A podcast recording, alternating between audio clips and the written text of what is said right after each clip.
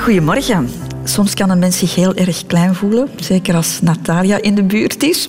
20 centimeter groter dan ik, denk ik. Ja. En heb je je hakken nog niet aan en is je haar nog niet gedaan. Dat is hè? waar. Dat is waar. Want dan scheelt dat nog een paar centimeter. Ja. Lengte heb je van je vader zeker, hè? Ja, ik denk, alles is een mengeling zeker. Hè? Maar eh, ja, dat was de, de grote mens. Ja. Ik vind dat leuk, zo groot zijn. Niet iedereen vindt dat fijn om, om, om zo groot te zijn. Ik hè? wel, ik vind dat heel ja? leuk. Ja, ja, ik had gerust nog een paar centimeter groter willen zijn. Ja? Ja, ik had dat niet erg gevonden. En hoe groot ben je nu? 78,5. Ah, maar jij toont wel groter. Ja? Ja? Dat is mijn ego misschien. Begin hier al goed. Ik ontbijt in de Rotonde in Westende met Natalia. Welkom. Radio 2. De Rotonde met Christel van Dijk. Ik ontbijt vanochtend in de Rotonde in Westende met eh, Natalia. Natalia, 36 ben jij? 35. Vijf, maar je wordt er, toch, je wordt er toch 36? Ja, in december. Hè? Ja, ja dus enfin, is niet meer zo ver af. Eh, Ik heb de indruk dat jij wat ouder bent. Serieus? Ja?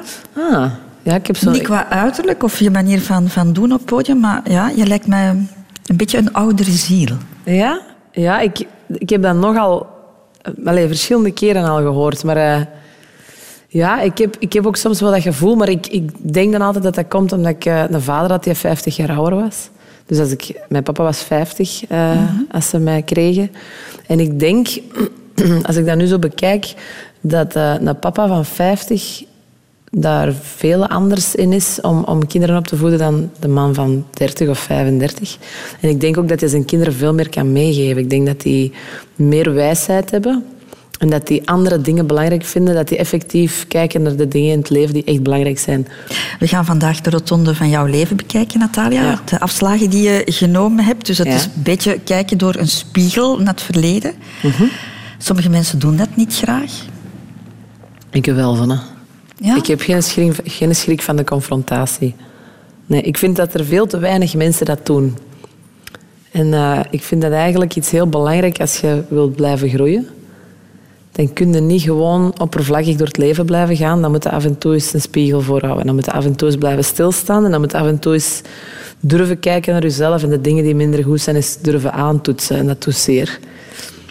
Maar ehm, dat is ook heel fijn achteraf. Als je Neem je daar de tijd voor? ja, ja, ja. Ik vind dat heel belangrijk. En zeker in de job die dat ik heb, vind ik dat eens zo belangrijk. Omdat ik vind dat ehm, als je op het podium staat, dan heb je een ego nodig. Dat is gewoon zo. Elke persoon die op het podium staat, heeft een ego. En iedereen heeft een ego, hè, maar dat van een artiest is misschien een beetje groter. maar ik vind dat ook heel belangrijk om dat te kunnen afzetten wanneer, het, eh, wanneer je eraf komt. Ja, je hebt al een paar keer die periode meegemaakt, hè, dat je eens even moest eh, ja, andere lucht opsnuiven, letterlijk en figuurlijk, maar dat is allemaal voor straks. We gaan eerst eens even kijken naar jouw Wikipedia-pagina, want je bent een bekend persoon, dus jij hebt een Wikipedia-pagina, een uitgebreide, waar onder meer dit op staat. Natalia Druits, geel 3 december 1980, artiestennaam Natalia, is een Vlaamse zangeres afkomstig uit Oevel, een deelgemeente van Westerlo. In Vlaanderen raakte ze bekend tijdens het VTM-programma Idol 2003, waarin ze op de tweede plaats eindigde. Druits was een van de weinige kandidaten die een levensvatbare zangcarrière kon opbouwen. Druits. Ja, ik hoorde en ik moet ineens denken aan onze pa.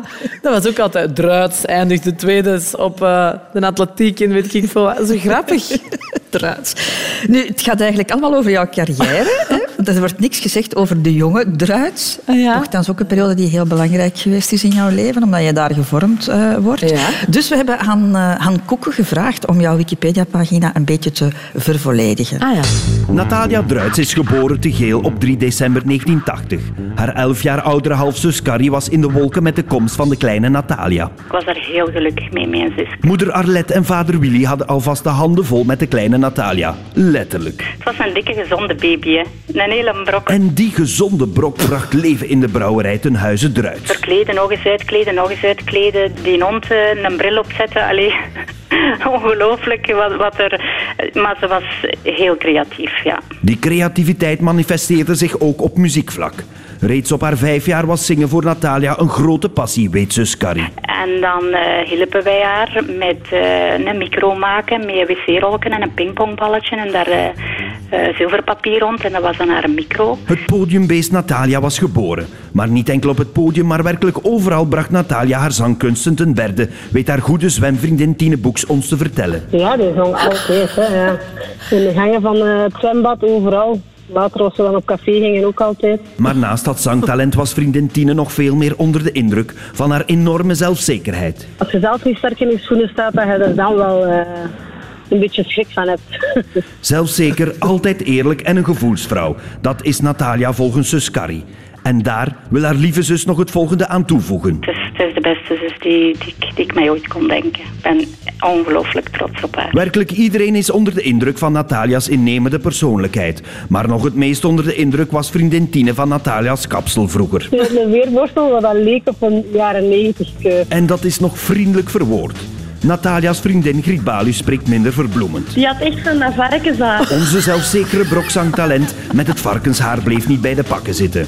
In 2003 schreef ze zich in voor de talentenjacht Idool. En zoals de naam van het programma doet vermoeden, deed Natalia vanaf dan menig Vlaamse jongensharten sneller slaan. En de rest is history. Was je met je uiterlijk bezig? Blijkbaar niet. Ja, veel te weinig. Ik, ik had dat zo niet. Ik was eh, meer zo aan... Ik, ik kon een qua jongen zijn en, ik kon, en ze konden mij zo niet echt in een vakje steken. En ik als puber of als kind ehm, ben ik er wel even door verward geraakt. Omdat een Vlaming die vindt het gemakkelijk als ze u kunnen plaatsen in een, in een, in een hokje. En bij mij was dat niet. Dus ik, ik voelde me altijd zo wel een beetje anders misschien. En later besefte ik dan hoe, hoe positief dat, dat eigenlijk is. Maar je hebt dat nog een beetje. Hè? Je bent aan de ene kant heel vrouwelijk, maar je hebt ook iets mannelijks over. Ja. ja. Ja, dat is waar. Maar ik vind dat, ja, ik, en ik vind dat ook fijn. En ik heb dat met de jaren aanvaard en ik, vind dat, en ik ben daar trots op en ik ben daar blij mee. Natalia, een beetje een gecompliceerde gezinssituatie bij jou. Hè? Thuis, een samengesteld gezin. Ik ga het Ja. even voor jou samenvatten misschien. Ja, hè? is goed. Papa twee dochters uit een vorige relatie. Mama één dochter en, en, en een zoon. Hè? Ik vind dat al een mooi gezin.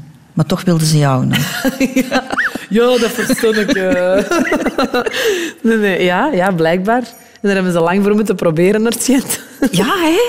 Ja, ik weet het niet. Ik heb dat gehoord, Als moeder zegt altijd, ja, zeg, daar hebben we jaren voor moeten moeite doen. Ze, hè. Mhm. ja, en dan uiteindelijk ben ik gemaakt in Monaco, het schijnt, want daar is ze heel trots op. Ah ja. nu, jouw mama had de leeftijd voor, die was 34, maar jouw papa was inderdaad wel al 50, heb je Ja. net al, al gezegd. Ja. Eh, is dat een bezegeling van de liefde? Of?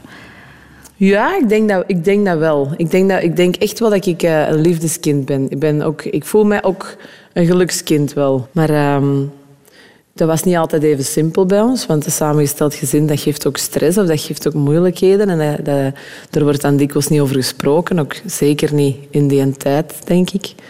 Maar dat is wel zo. En ehm, weet je, ik heb altijd te maken gehad met vier kinderen van gescheiden ouders. Hè. En ik heb er nooit iets van gemerkt totdat ik, totdat ik zelf ouder werd. Dan, dan begin je te zien van, ah ja, oké, dat is echt wel anders. Terwijl dat ik wel ben opgevoed met het idee van, kijk, die vier, dat zijn uw volwaardige zussen en broer. En zo is dat punt. Dus ik heb dat ook altijd zo ervaren. Ben je nog altijd het kleine zusje? Eh, ik vind van niet. Ik vind dat ik ondertussen de oudste geworden ben. ja, dat is echt waar. Ja, dat is echt waar. Ik, ik, ik had vroeger altijd... eh, ja, ik was vroeger uiteraard altijd het kleine zusje, maar ik heb nu de indruk dat... eh, dat zijn ook een beetje andere generaties. Hè? En, eh, dus mijn jongste is 11 jaar ouder. En dan 12 jaar ouder. En dan 16 jaar. En dan 18 jaar ouder. hè. En ik voel nu, als ik zie wat die allemaal al hebben meegemaakt, die zitten in andere periodes in hun leven. En, en soms dan denk ik, ja, ik heb ik het toch het slimste aangepakt, precies. In welke zin? Goh, ja. Ja, gewoon in, in het algemeen. Ik lach er ook gewoon ook wel mee. Maar, eh, maar soms, ja, weet je, iedereen heeft wel zijn problemen en zijn, zijn issues. En, en dingen zijn veranderlijk. En ehm, ja, en ik ben nu... Ja, ik, ik ben ook gegroeid in wat ik doe. En door wat ik doe, denk ik dat er dat heel veel op je pad komt dat je niet verwacht, waar dat je wel heel veel van leert, waardoor dat je gelijk een speer vooruit gaat. En soms ook wel bepaalde stukken voorbij stikt. Dat- Door dat leeftijdsverschil ben je ook voor een stuk alleen opgegroeid. Ja. Ja. Je hebt je moeten bezighouden. Soms, alleen. Ja, ja, ja. Terwijl dat ik nooit niet kon verdragen dat ze zei dat ik enig kind was. Er zijn wel mensen van, ah, is enig kind. Enig kind? Ben helemaal geen enig kind. Ik heb nog drie zussen en een broer. Dus dat is, dat is voor mij een heel dubbel gevoel. Maar inderdaad, als ik daarop terugkijk, dan... ehm, het idee dat mij werd meegegeven strookte niet altijd met de realiteit. Dus ik heb mij heel veel alleen moeten bezighouden. Eh, ja, ik was, ben ook heel streng opgevoed. Dus als ik gestraft werd, dan was dat echt mijn stereo-installatie in de kast. Of geen tv. En dan was dat ook geen no glimpse. Allee, echt. Dus dat was, dat was eh, heel heftig ook wel, als ik dat achteraf bekijk. Van, allee, wie steekt er een stereo-installatie weg? Maar je kon mij met, met niks anders straffen. ja, dat, was, eh, ja, dat was allemaal wel oké zo. Dus ehm, ja, dat is, ik heb mij veel moeten bezighouden. En achteraf gezien heeft dat mij wel veel deugd... ge- Allee, voor hetgeen dat ik nu doe, heeft dat mij nooit geen windeieren gelegd. Nee, want ik denk dat jij je creativiteit ook wel daardoor wat Ja. ontwikkeld hebt. Want je zus vertelde ook, jij tekende, jij schilderde, je was altijd wel creatief bezig. Ja, ja, ja. Als ik, daar, ik, ik heb dat eigenlijk nog nooit niet zo verteld of zo. Dat is de eerste keer, denk ik, dat ik daar, het erover heb in mijn carrière. Of, maar ik heb heel veel getekend. Ik heb heel veel eh, gedichten geschreven in een tijd. Liedjesteksten zo niet. Maar ik leerde wel alle liedjesteksten van buiten. Van buiten dat ik heb geleerd. is normaal. Ja. En ik, eh, ik, ik zocht ook manieren om, om mijn stem op te nemen. Vroeger al, als, als 14, 15-jarige. En dan ging ik zo tussen een klein en mijn stereo-installatie hangen. En dan werd dat zo opgenomen dat die muziek toch nog achteraf, allez, in de achtergrond te horen was. Of zo, ik leerde zelf Engels en Frans. Als ik negen jaar was, had ik zo van die cassettes en die Ja. boekjes erbij.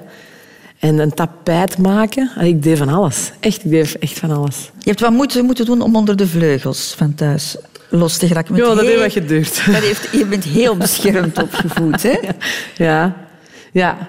Goh, en ik vraag me soms af, van, ja, is, dat, is dat nu goed? Of dan kijk ik naar andere ouders of andere gezinnen. Of dan denk ik, ja, die waren vrijer, maar is dat dan beter? Goh, ik weet het eigenlijk niet. Op je elfde, Natalia, word jij op internaat gestuurd. Of van gestuurd is misschien een, een slecht woord. Nee, dat is maar gestuurd. Ja, want dat is eigenlijk voor kinderen waar ze geen blijf mee weten, vind ik. Op internaat sturen. Hebben ze dat verteld? Nee, aan mij lijkt dat zo. Ik denk niet dat dat zo was. Allee, ik, ik ben eerlijk, hè? ik denk niet dat dat zo was. Mijn vader zei altijd van, ja, de anderen hebben eh, op internaat gemoeten, jij ook.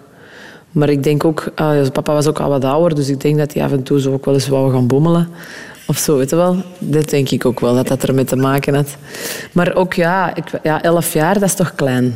Als ik dat nu bekijk, dan denk ik, ja, dat vind ik toch een foutje zo. Ja, want van de ene kant was je zo overbeschermd opgevoed, zo het, het jongste Ja. kakelnestje. En, en dan op, op elf jaar zeggen ze... Ja, ik heb gemerkt dat daar, ik heb daar heel veel van overgehouden. Echt waar. Ik heb eh, angsten of zo, dat heb ik amper. Maar wel zo ehm, survivor mentaliteit. Hè? Want elf jaar, dat is echt wel klein, zijn mannetjes. Ja, en je kwam ook niet op de meest evidente school. Hè? Jij werd eh, van Geel naar de Dams in Antwerpen gestuurd. Ik ken de Dams in Antwerpen in mijn tijd. Ik ben een stukje eh, ouder dan Ja. jij.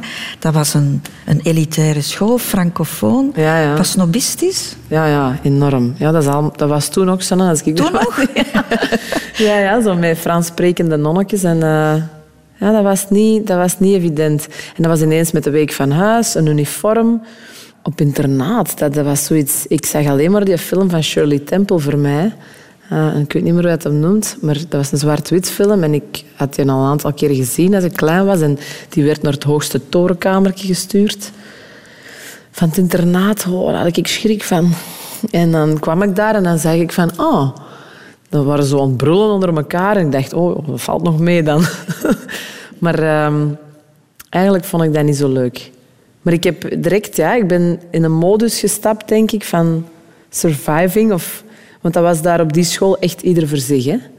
Dat was niet, eh, er was niks ja, zo steun of... En in het begin was er ook altijd een meter. Een oudere studenten of, of internaatgenoten die zich ontfermden over de jongeren of over de nieuwe. En ik heb dat nooit niet gehad. Ik heb mijn artikels afgevraagd. Dus dat is raar. Jij had, niemand wou jou... Nee, ze, ze- dat was niet van willen, want ze kenden me. Maar dat is dus niet aangesteld geweest bij mij. Dat is raar? Dat is raar. Ja, dus ik heb zo wel mijn plan moeten trekken. En dan heb je zo, ja, als kind blijft je hart dan niet constant open of zo. Allee, of, dat gaat wel altijd terug open, hè, maar, maar je hebt dan zoiets van, ik zal het hier wel alleen doen. Terwijl, Ja, want jij moest het denk ik wel bewijzen. Je kwam al van een heel andere streek, hè? Ja. Van, van, van Geel, een ander accent. Die meisjes kenden elkaar waarschijnlijk wel via via. Of, en jij komt daar dan plotseling en je moet je bewijzen. En, Maar- en een plek zoeken in die groep. ja, dat was in Antwerpen. Hè, dus er zaten wel kinderen van over, allee, zelfs ook van Nederland en zo. Dus dat was wel heel divers. Maar ehm, ik werd wel veel bestempeld zo als de boerin van de Kempen. Hè. En ik begreep dat nooit. En ik denk, man, dat, is zo. Allee, dat werd ook weer stempel. Hè. Dat is in Vlaanderen heel, heel hard aanwezig. Dus ik heb me daar altijd heel hard tegen verzet. En dan liet ik nog extra veel meer boeren. En dan, dan was ik nog veel... Ja, ja, ja, ja, zeker. Ik dacht, zeg... Maar ik verzette me. Ik was heel rebels toen. Al, en al meteen? Van het eerste jaar dat je daar zat? Ja, ja. Maar ik ben ook heel hard gepest geweest hè, het eerste jaar. Dus dat was echt iets dat zich eh, manifesteerde. Ja, dat was niet fijn. Ik ben echt heel hard gepest geweest. En dat, was, ehm, dat is heel hard blijven hangen ook. Maar En, en pesten, hoe, hoe dan? ja, dat, dat, was, dat was heel veel mentaal ook wel. Hè, want je bent meisjes en dat is allee, heel veel mentaal. Maar ook...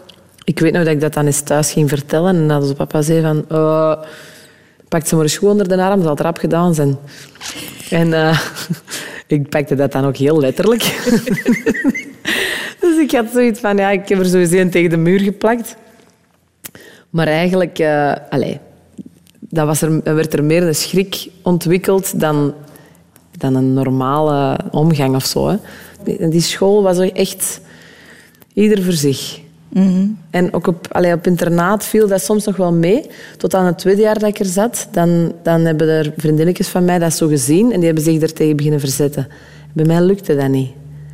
Dat lukte niet. Je wilde graag gezien worden, of eigenlijk iedereen wil graag gezien worden en je wilt ergens bij horen op die leeftijd ook. En, en dan, dan verzetten u niet. Totdat je dan ziet dat een, een groep zonder, allee, zonder reden of gelijk wat voor uw kant kiest of zo en zich daar dan tegen verzet, dan zet het terug sterker. Ja, dat zijn kinderen. Hè. Ik spreek over twaalf jaar. Hè. Het waren verschrikkelijke jaren blijkbaar, maar je hebt het ook veel geleerd.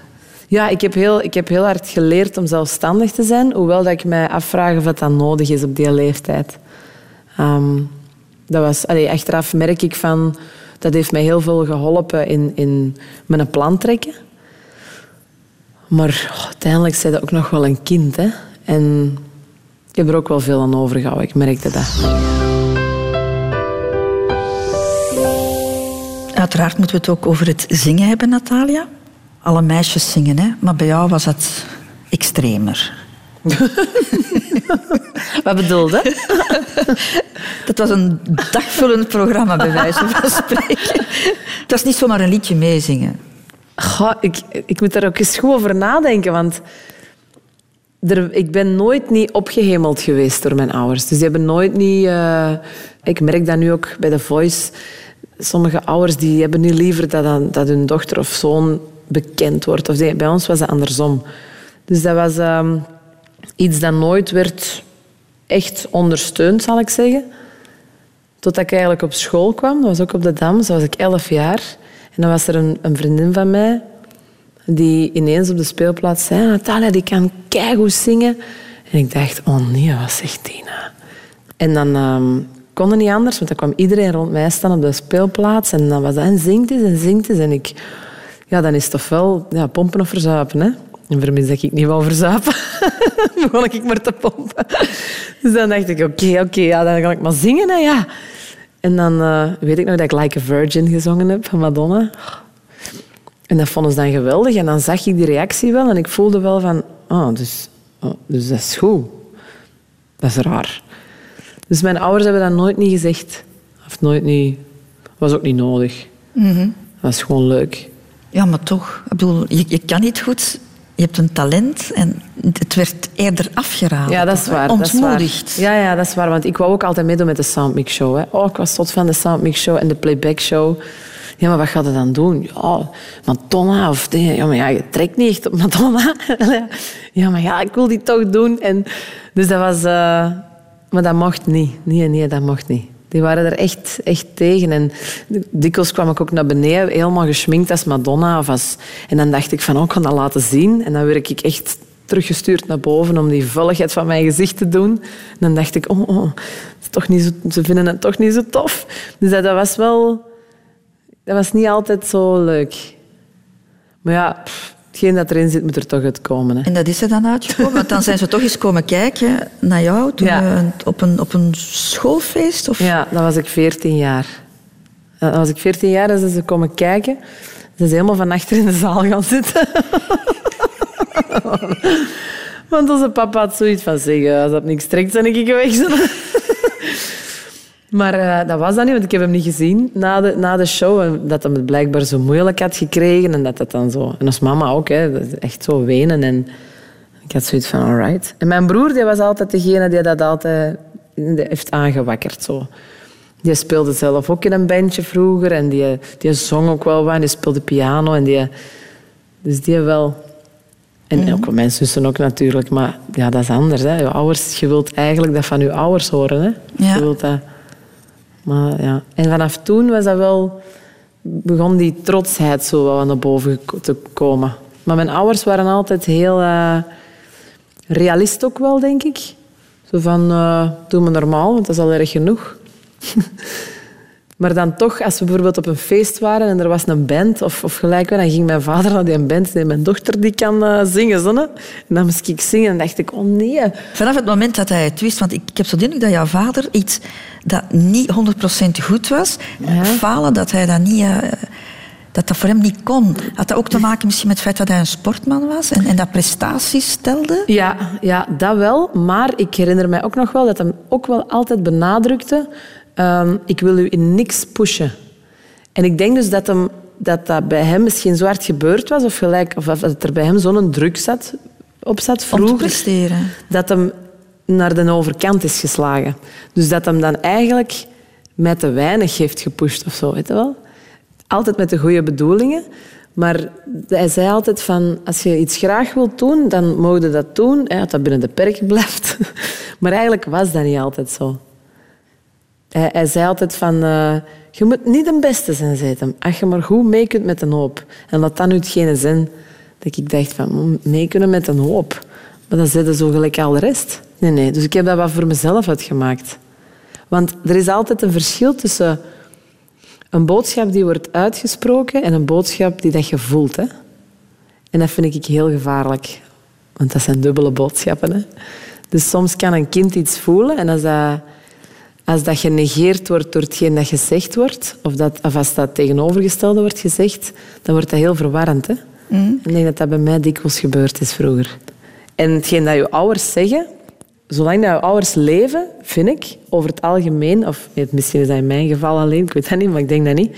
Gelijk wat ze zeggen, dat blijft toch ergens in je achterhoofd nazinderen. Ook al doe jij zelf wat dat je wilt doen. Maar goed, jouw vader heeft jou dan uiteindelijk toch wel ingeschreven bij Idool. Hè? Dat is dankzij Ja. hem gebeurd. En daar zullen we het zo meteen over hebben. Idool, Natalia, we gaan daar niet te lang over hebben, want dat was een, een, enfin, was een heel intense periode, maar het was afgesloten voor jou, Ja. was, was, was, was goed geweest. Ja, was Eh, ik zie jou daar nog staan, eigenlijk. Ja. ja. Jouw auditie, de, de, de eerste, de eerste keer dat je daar hè, jezelf moest, moest bewijzen. Ja, Hoe moet ik jou omschrijven? Onopvallend? ja, ja een klassiek zo. hè. Ja, heel braaf gekleed eigenlijk. Hè? Je haar zo wat plat op Ja. je hoofd. Tja, dat was, eh, dat was de invloed van de ouders. Hè? Ja? Ja, ja, ja, ik merk dat ook wel. Ik zie nu ook wel direct jongeren waarbij dat een invloed van de ouders, zo met midden, middenklasse gezinnen, dat zie je. Ik vind dat wel heel spijtig. Ik denk dat ik mijn kind toch zou vrij, allez, vrijer laten in de zin van de kundes die dat ze hebben, die zou ik proberen toch meer te laten ontplooien. En ik merk ook wel van, ik mocht ook maar, zo maar niet aandoen wat ik wou. Hè. Je hebt een hele metamorfose doorgemaakt. Hè? Dat meisje dat daar toen stond, 22 was je toen zeker bij, bij. Idol. Ja. Niemand zou, denk ik toch, voorspeld hebben van die heeft glamourgehalte. Nee, dat snap ik ook niet. Maar ja, je bekijkt dat zo niet. Alleen vanuit mijn standpunt, dat is heel raar. Maar allee, misschien heb jij dat ook, of, of andere mensen. Maar ik ben nog altijd degene die dat ik toen was. Hè. Want als, hetgeen dat als kind dat je meemaakt, of als puber, of jong adole- adolescent, dat blijft heel hard hangen. Hè. Dus eh, dat is in mijn geval niet anders. En ik, heb, ik voel mij nog zo dikwijls als toen. Maar dat is gewoon een buitenkant of zo dat veranderd is of geëvolueerd. Of... Ja, maar je ondergaat er een heel metamorfose. Je wordt er onder handen genomen natuurlijk. Dat zie je in de loop van, hè, van, Ja. van, van de afleveringen. Zie je daar ineens zo... Wauw. Ja, ja. Een, een, een sexy vamp. Ja, ik vond ik dat allemaal, ik weet niet, plezant. Hè? Ik wist wel van, nee, dat niet en dat niet. Maar als ze dan met dingen afkwamen, dacht ik van, oh ja, dat is leuk.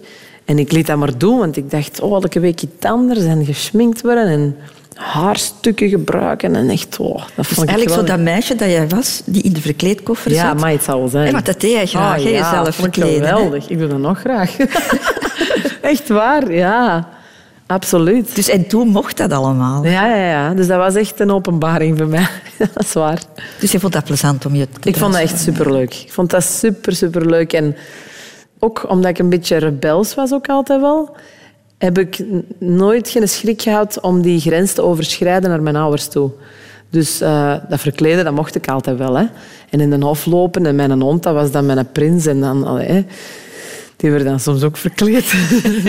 dus, dus dat... ehm, ik heb nooit niet mijn eigen geschaamd. Of, of mijn ouders hebben mij ook nooit niet het gevoel gegeven van... Zeg, eh, je hebt ze niet alle vijf of nooit. Dus eh, op die moment in Idol was dat ook niet moeilijk om, om te laten zien. "Zij, dan doe ik deze aan. zij." En dat vind je misschien niet tof, maar ik kon dat Ah ja, en, ja, soms sta je in uitdagende poses op, Ja. op foto's en zo. En dan, dan heb je dan geen... Nee, ik heb daar nooit niks van aangetrokken. Nee.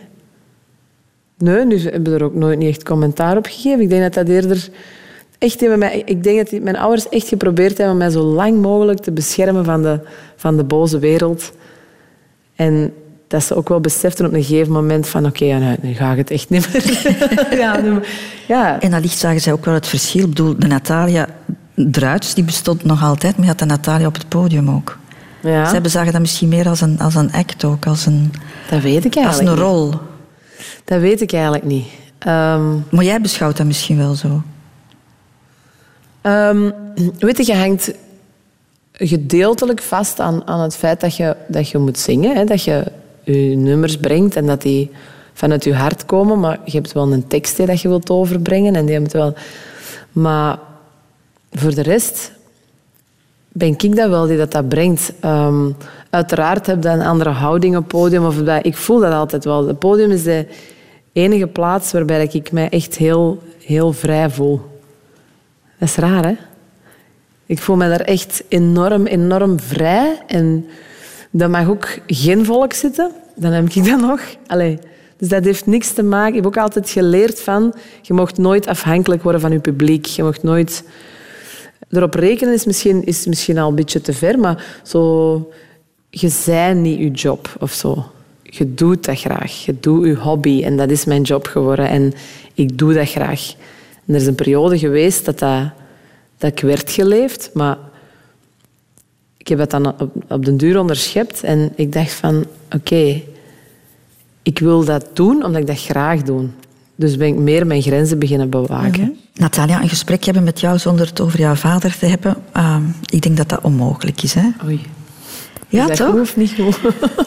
Ja, jullie hadden toch een geweldige band. Ja. Ik denk, als ik het nu zo bekijk, onze papa was altijd de superman en onze mama was altijd een dub.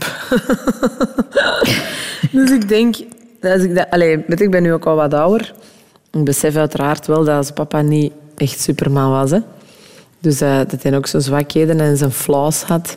Maar dat hij altijd geprobeerd heeft om dat niet te laten zien. Leken jullie op elkaar wat karakter betreft? Heel veel mensen zeggen van wel. Wij konden ook wel serieus uh, amai, botsen. Zo, hè.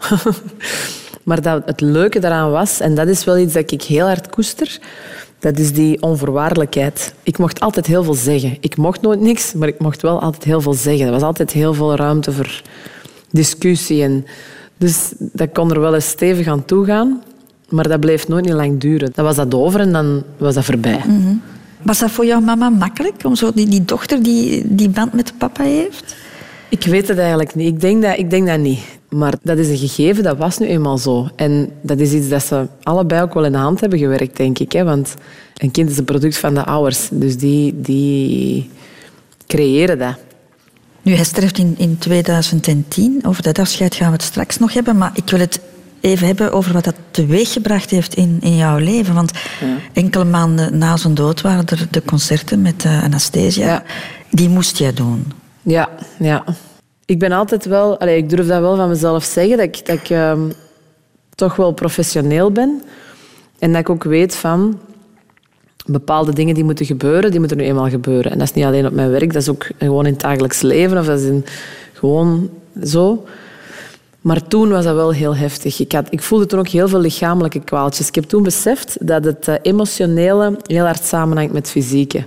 Dus dat dat effectief is dat je of maagzweren of, of eh, rugpijn of, of spieren die vastzitten, of dat, dat zijn verkrampingen, dat zijn ook, ook kankers of zo, hè, die dat, eh, kunnen verwekt worden door, door jezelf constant te verloochenen of door te leven in een situatie die dat eigenlijk niet naar je doen is of gelijk wat. Dus ik heb dat wel gemerkt en dat was heel, heel zwaar. En tegelijkertijd had ik dan ook eh, een bondgenoot gevonden in mijn concerten en dat was Anastasia. Zij heeft onze papa ook nog een paar keer ontmoet. Is meegegaan naar het ziekenhuis. En ehm, zij zat toen in een scheiding. En zij had eigenlijk ook dezelfde pijnen, maar aan de andere kant van haar In, nek. in de nek, ja. Maar dat was echt heel heftig. Dat was, ehm, dat was niet zo fijn. Nee, want die concerten, oké, ik kan me voorstellen, dat kon je niet onderuit. Maar dan daarna was er, waren er nog jouw eigen concerten, de, Ja. de Best of Tour, dacht Ja. ik. En, en The Voice. Jij, jij blijft maar doorgaan. Waarom? Waarom? Omdat het leven ook blijft draaien. Het leven gaat gewoon door. En de, de grote steun dat ik gehad heb, dat was van mijn manager, van Bob Savenberg toen. Hij had zijn vader ook verloren, x aantal jaar geleden. En, en hij zei toen ook van, manneke, je pakt een tijd die dat je nodig hebt. Ik ben geen manager die nu gaat pushen in bepaalde dingen. Integendeel, ehm op verdriet staat geen tijd. Maar als ik zo daarover lees, over die periode, heb ik net de indruk dat je ehm, dat persoonlijke niet echt hebt toegelaten in die jaren. Dat je zo hard gevlucht bent in, in dat werk. Ja, ja, ja, dat is ook. Hè. Ja, ja, dat is ook wel. Ik ben... Goh, maar het was... Ik, ik kon nooit niet lang... Ik heb, pas op, ik heb periodes gehad of, of weken gehad dat ik op mijn stoel zat en dat ik vier uur op mijn stoel zat te zien. Hè. Maar echt, hè. Ja, je bent zo verdrietig, je weet daar geen blijf mee. Je, en je, je hebt wel veel mensen die je steunen, maar, maar je bent ook rap ontgoocheld in mensen waarvan dat je dan verwacht dat ze je steunen en dat gebeurt niet. Maar je bent dan veel beginnen reizen. Hè? Ja, dat wel. Dat Ja, was toch een beslissing die je genomen hebt, zo na, na twee jaar misschien te hard te werken en, en dan Ja. plotseling van, ja, moe hè. Je was Ja, moe en je bent beginnen reizen. Heel veel hè. Ja, dat is waar. Nog altijd. Hè? Maar dat heeft een andere dimensie gekregen nu. Ja, maar dat is absoluut zo. Ik ben... ehm, En onze papa zei vroeger altijd van degene die ergens anders gaan wonen, in het buitenland, of die, weg, die vluchten van iets, zegt hem. Dus ik heb dat altijd onthouden. Ik dacht van, ja, maar ik wil niet vluchten. Maar ben ik dat nu aan het doen, of doe ik dat nu omdat ik nu... Want ik kon dat ervoor ook doen, dat reizen, maar ik wou dat niet, want ik dacht, er moest maar eens iets gebeuren met mijn meter en mijn papa. Dat is raar, hè? En dan ineens waren die weg. En er was iets in mij dat reageerde en zei, ah, nu kan ik gaan. Niet dat ik mijn mama niet graag zien, of mijn zussen of mijn broer. Dat, dat, gaat daar niet over, maar ik kan dat niet uitleggen. Dat is, dat is iets in uw lijf dat reageert.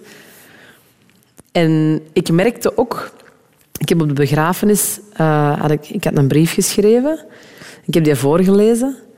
En ik weet nog dat erin stond van... eh, geen stress, papa. Eh, die kracht van u, die, die gaat wel naar mij komen. Of die, die, ik ga die wel overnemen en ik kan het, eh, ik kan het allemaal wel oké doen.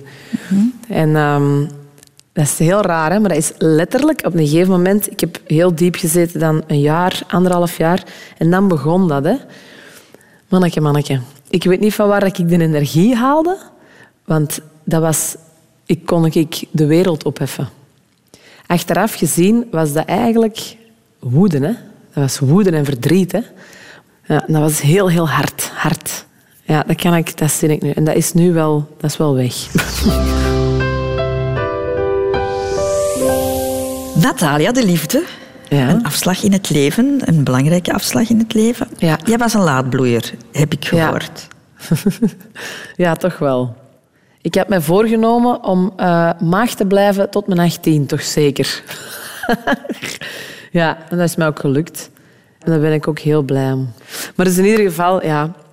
Dus dat was ik, eh, ik was vrij laat om... eh Allee, laat. Eigenlijk, ik vind het eigenlijk helemaal niet laat. 18 jaar had ik... Dus dan eh, ben ik 3,5 jaar samen geweest. Dat is toch niet slecht? Nee. ik dacht altijd dat ik ermee ging oud worden, maar dat was dus niet.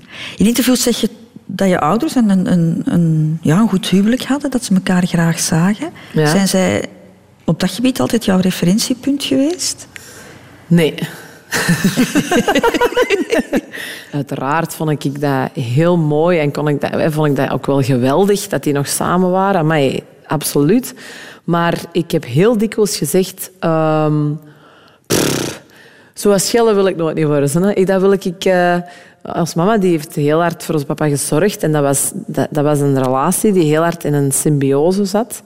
Dus eh, heel afhankelijk van elkaar. En ik merkte dat ik dat, dat ik dat niet wilde, want dat er ook wel negatieve kanten aan vasthingen. Dus dat... ja, onze papa was ook al 17 jaar ouder. Hè, dus ik denk dat dat er ook wel mee te maken had. Dus onze mama die, die, ja, die zorgde daar echt wel heel hard voor. En als papa eh, aan tafel zat en die moest drinken hebben, dan was dat zo... zo is, is, is rammelen met zijn glas, weet je wel. En dan sprong er iemand naar de, naar de ijskast en die ging dat dan halen. En oké, klaar. En op den duur werd ik wat ouder.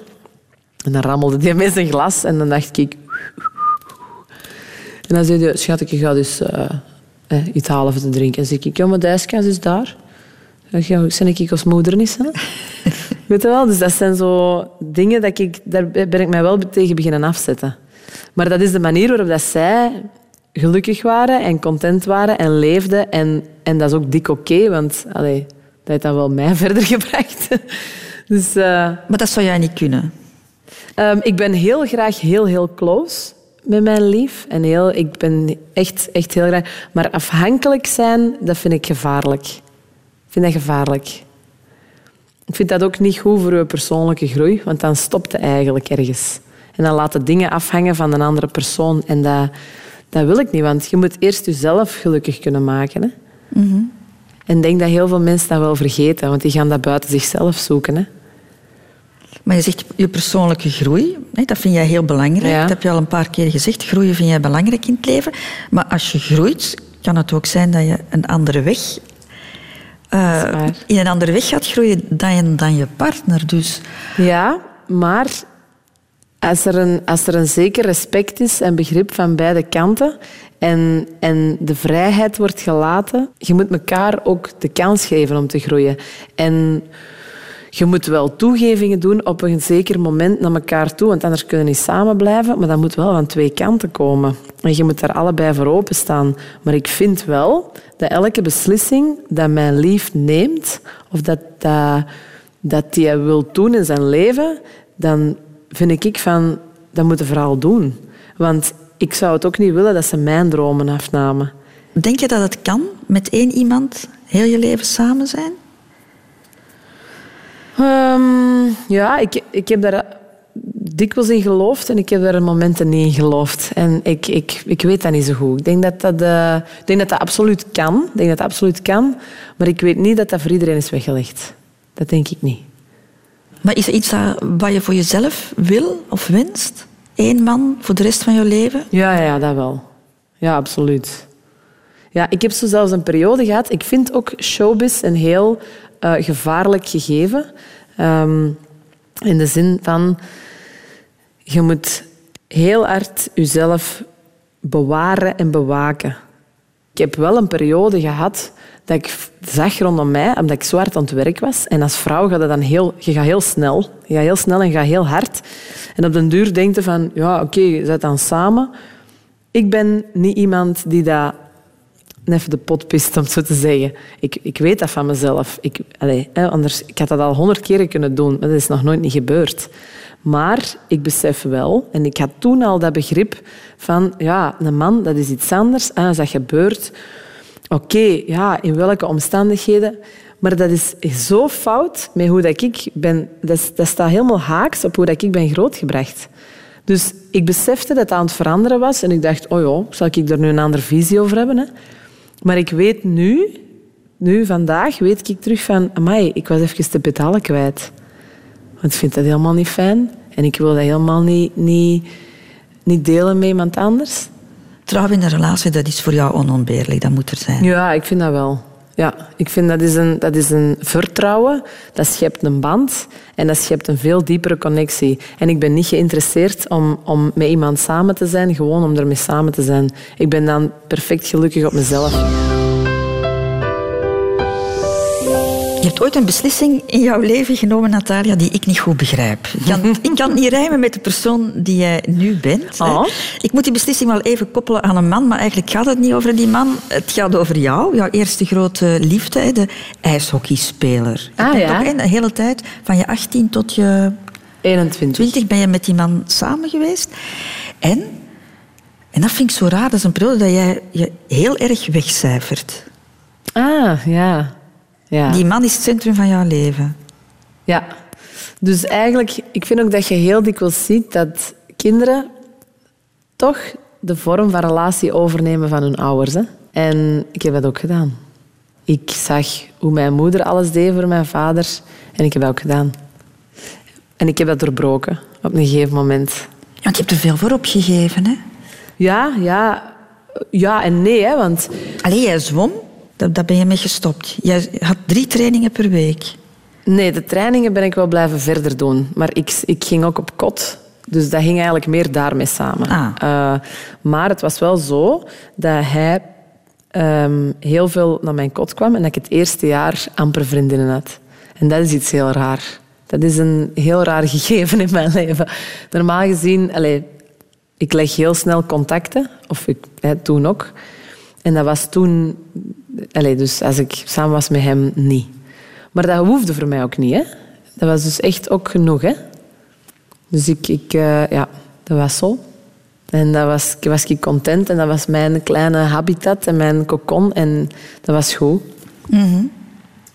Ja. Je hebt ook een periode niet gezongen daardoor, omdat je dacht dat hij dat niet, Ja. niet mooi vond. Ja. Allee. ja, ja, dat wel. Ik heb echt, oh ja, hij was heel, ik was toen heel, eh, ik was toen, ja, ik werd daar, ik heb zo wel een soort van karma met relaties. Hè. Dat is, dat is, ja, ik paste mij toen heel hard aan. En dat is dat, ik hoorde hem zeggen, het was het nummertje van Whitney Houston en eh, Mariah Carey, When You Believe, op tv. Toevallig het eerste nummertje dat ik gezongen heb eh, bij Idol 2003. Toevallig of niet toevallig. En we waren aan het zingen en hij zei van... Ah, maar dat vind ik zo'n gejengel. En ik zei, oh, ik vind dat, ik weet niet, schoon. En ik had toen ook nog niet gezegd van... Oh, ik zing graag of ik weet ik veel. Niemand had er ook nog niks van gezegd. Dus het heeft een half jaar geduurd. Eer dat hij eigenlijk wist van... Ja, maar oeh. Dus jij kunt eigenlijk zingen. En dan moest ik verschrikkelijk, moest ik helemaal alleen zingen voor hem. Dat was in de slaapkamer zeker, dat ik dat, ik dat moest zingen. Oh, dat, vond ik, oh, dat vond ik verschrikkelijk toen. Maar ja, dat was iets... ehm, ik was gewend om te zien dat de structuur van mijn ouders, dat daar de man de bovenhand nam, dat dat eh, de spil was en dat dat degene was die dat vaandel droeg. Je keek ook op waarschijnlijk naar je Het was een ijshockeyspeler, dus Ja. eh, was iemand die, die wel Ja, presteerde. een hele lieve kerel ook. En dat was, ja... Een beetje een kopie van jouw vader misschien, ook een sportman. Ja, een sportman wel, maar was niet echt een kopie. Dat niet. Maar wel, allez, wel ja, sportief en, en prestatiegericht en heel... Ja, dat wel. Ja. En op een bepaald moment moet je dan beseffen, ik cijfer mij hier weg. Moet je een klik maken in je hoofd. Dat is Ja, moeten. Dat is gewoon gebeurd. Ik weet niet hoe... Ik zat op kot. Ik zong ondertussen in een groepje. Ehm, we repeteerden meer op zolder dan, dan gaan optreden. ze, Maar dat was, dat was wel zo. Ik werkte achter de vleestoog. ik gaf, eh, dat was alleen op zondag dan, in, eh, in de supermarkt. En ik gaf zwemles en ik had een lief. Er moest iets sneuvelen. Ja, dus er moest iets sneuvelen, want ja, dat is echt waar. Dat is erg, hè? Maar eigenlijk was dat zo op een gegeven moment, hè, we hadden dan ook veel ruzie en zo. Dus, maar dan, ja, heb ik dus gekozen voor mijn persoonlijke groeiverhaal. Ik ben bij iemand op bezoek geweest, Natalia, die jij heel goed kent. Ik denk dat jullie elkaar een drietal keer per week zien ongeveer. En er is niemand die jou zo doet zweten als hij. Ik ben naar jouw sportclub gegaan en daar heb ik kennis gemaakt met jouw personal coach, met, met Omar. Maar dat meende jij En hij maakt een balans op van jouw manier van leven. Dus ik kan snel leven, maar ze kan ook heel rustig leven ook. Ik denk dat ze het allebei kan. Ze heeft dat ook nodig om die balans te vinden. Ze heeft een heel goede balans. Echt waar. Ze kan gaan, maar ze kan ook rust inlassen en echt rusten. Is altijd op tijd voor haar training. Meestal wel, maar er gebeurt wel soms dat ze te laat is. En meestal als ze te laat is, dan is ze ook wel, eh, kan ze heel charmant zijn en zo. U eh, een, een heel mooie uitleg of eh, u zo eens een keer goed knuffelen en een dikke kus geven van sorry dat ik te laat ben. En dan, oh, dan vergeet je dat. Ah ja. Ze draait jou rond jouw ja, vinger. inderdaad, dat kan ze ook heel goed, ja. Ben jij soms ook haar luisterend oor? Ja, zeker. Dat is normaal, hè? En nu is het stil. Ja. Ik luister. Want dat zijn dingen uiteraard die tussen jullie Ja, moeten blijven. Dat zijn dingen die tussen ons blijven. Maar eh, dat hecht wel een enorm band tussen mij en haar. En ook eh, als persoon uh, leerde die ook veel beter en anders kennen. Maar gebeurt het vaak dat een personal coach een soort van psycholoog is? Ja, zeker. Dat is eigenlijk eh 50% van, van een personal coach is, Zeker, is vooral de psychologische aanpak en ook natuurlijk de, de trainingen en de fysieke aanpak, maar de mentale aspect is enorm belangrijk. Maar zij staat mentaal toch wel sterk, denk ik. Hè? Ja, dat is waar, maar we zijn allemaal maar mensen en iedereen heeft zijn zwakke momenten. En eh, ja, het is niet omdat dat Natalia is dat ze geen mens is, dat is maar een mens gelijk eh, ieders. En, en ze is inderdaad soms mentaal wat minder en zwak. En dan, eh, als je dan eh, een luisterend oor eh, hebt, is dat wel heel tof. Je hebt al hele fijne positieve dingen over Natalia gezegd. Ik ben ook op zoek naar een slechte eigenschap. Wat is haar slechte eigenschap volgens jou? Als ik één kan opnoemen, dat is vooral dat ze, als ze moe of honger heeft, dan kan ze heel lastig zijn. Enorm. en eh, vooral als ze soms een bepaalde zin heeft of iets wil doen, dan wil ze dat doen. En als er mensen zijn die haar tegenwerken of dat niet willen of die niet meegaan, dan kan ze heel dominant zijn. ze is soms leidingnemend. Ah ja. Enorm. En soms is, kan ze ook volgen. Maar als ze de leiding wil nemen of zal nemen, dan zal ze dat ook doen. En als ze dan mensen niet kunnen volgen of niet mee willen volgen, dan kan ze... En zeker, ik zeg het nogmaals, als ze honger heeft, dan moet het snel gaan. Dan wil ze eten. Vandaar dat we onze tafel zo vol hebben gezet, Natalia. Wij waren gewaarschuwd. Oh, grappig. Heeft hij jou goed getypeerd? Oh, ja, echt, echt zo leuk. Je hebt een fijne personal coach, iemand die, enfin, een vriend ook, hè, waar je Ja. terecht kan eh, als het Absoluut. niet zo goed gaat. Maar het is ook wel iemand die jou doet zweten. Hè. En hij zegt, er, is, er zijn bijna geen mensen die ik ken, zelfs de mannen niet, die eh, zo door de pijngrens heen kunnen gaan als Natalia. Ja, maar ik doe dat minder nu. Ik heb dat inderdaad heel, heel hard gehad. Dat ik, eh, ik, ja, dat, het menselijk lichaam kan heel veel aan. Hè? Dus, en ik, soms dan kunnen we... Wat, sommige mensen noemen dat flauw zijn als ze dat niet doen. Maar nu is mijn visie erin veranderd. Nu vind ik dat gewoon dat dat inderdaad ook weer gaat over je grenzen be- bewaken. En je hoeft niet altijd tot in die pijn te gaan. Ehm, in, in topsport en zo wordt dat uiteraard wel gedaan en in prestatiegerichte dingen wel. Maar ik probeer niet te prestatiegericht te zijn, want dat eigenlijk haalt dat niks uit. Maar je was dat wel, hè? Ja, je ja, hebt dat ik een tijd gehad, hè? Ja, ja. Ja, ja. En dan kon ik echt... En ik kon er dan ook niet tegen, tegen flauwe, flauwe mensen, tussen aanhalingstekens dan. Hè. Dan dacht ik van, come on, jongen.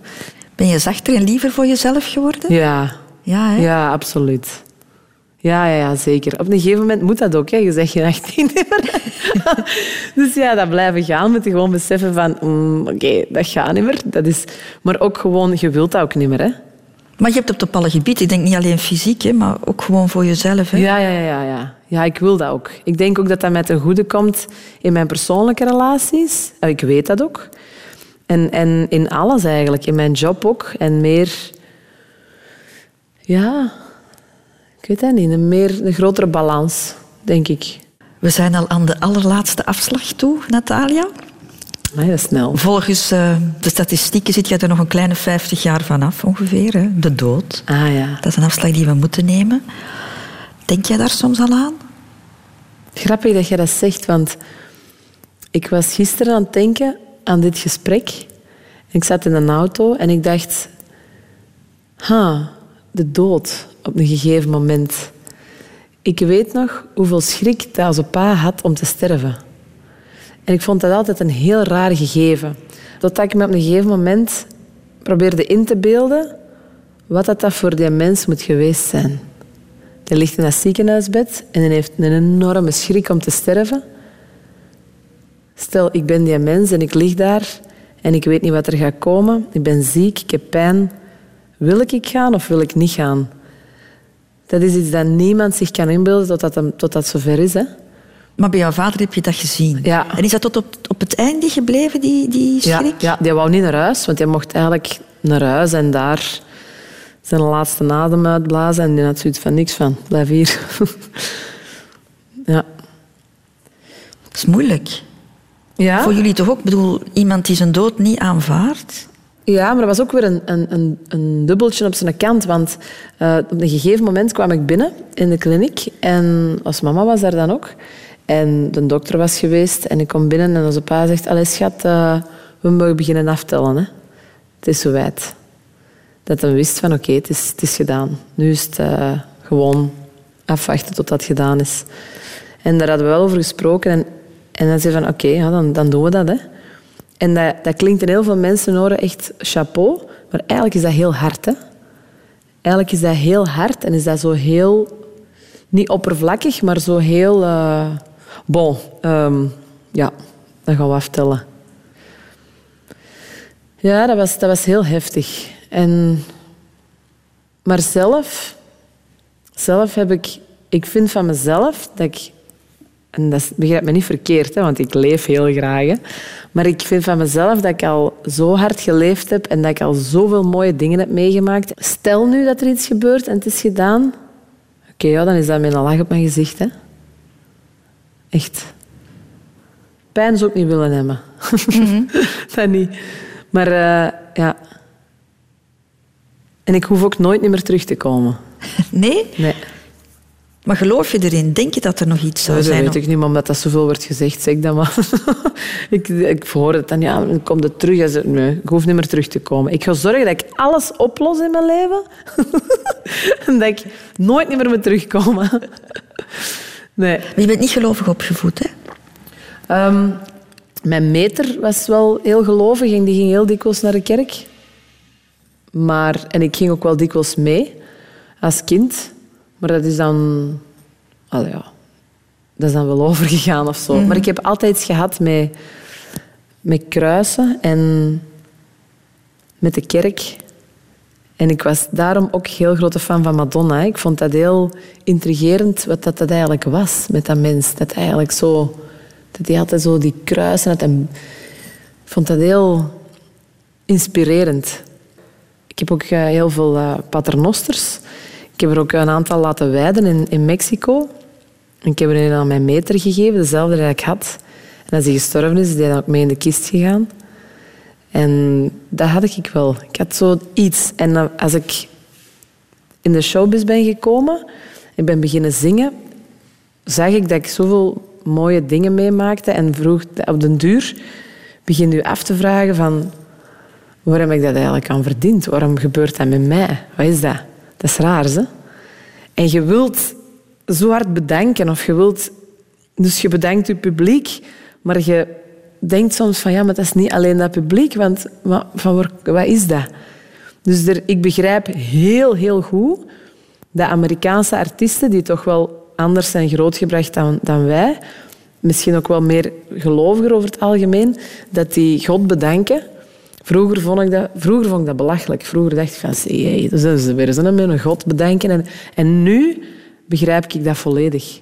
Omdat ik weet dat er iets is, ja, iets meer, dat, dat dingen doen gebeuren in de kosmos. En ja, wie dat goed doet, krijgt terug goed op zijn bord, denk ik. Ja? Ik denk dat wel. Dus het is niet allemaal toeval? Nee, er bestaat geen toeval. Ik geloof ook dat als je iets meemaakt, een ziekte of een, of een accident, of een, dan geloof ik ook dat dat, dat wilt u laten stilstaan bij iets. Hè? Dat wilt u iets laten zien, dat wilt u iets leren. En als jij dat niet leert, dan gaat er nog eens iets overkomen. Dus je moet, je moet af en toe eens bij de dingen stilstaan die dat er gebeuren en beseffen van, is misschien eens vragen van waarom gebeurt dat hier?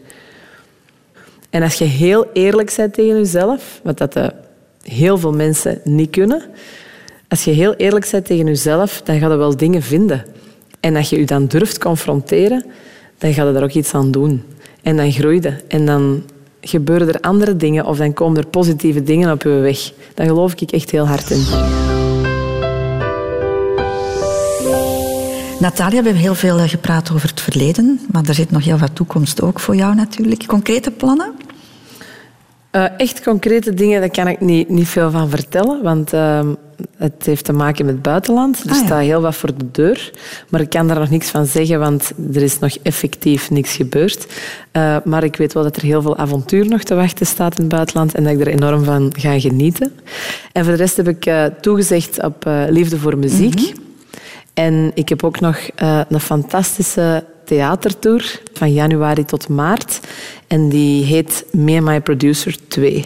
Want we ah, hebben dat al eens gedaan. En ik heb nu terug samengewerkt met mijn producer voor mijn laatste album. Waar ik mijn twee eerste albums mee gemaakt heb. En we hebben besloten om dat nog eens over te doen. Mm, dus ook in jouw uh, carrière, in jouw professionele leven blijf jij groeien.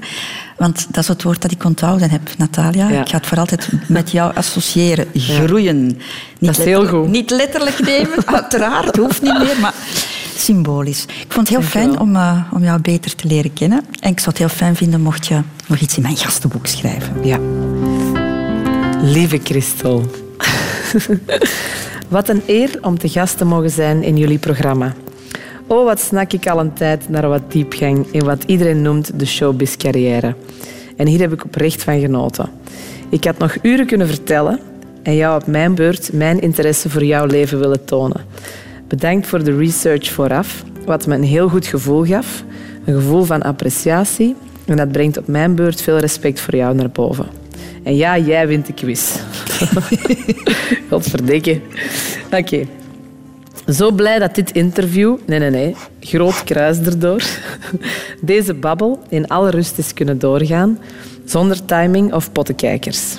Supergezellig, een tafel vol lekkers en eerlijk waar een prachtig zicht op dit wondermooie deeltje van de Vlaamse kust. Ik wens jou heel veel liefde en warmte toe in het vervolg van jouw leven en dat we dit binnen x aantal jaren nog eens kunnen overdoen. Love, Natalia.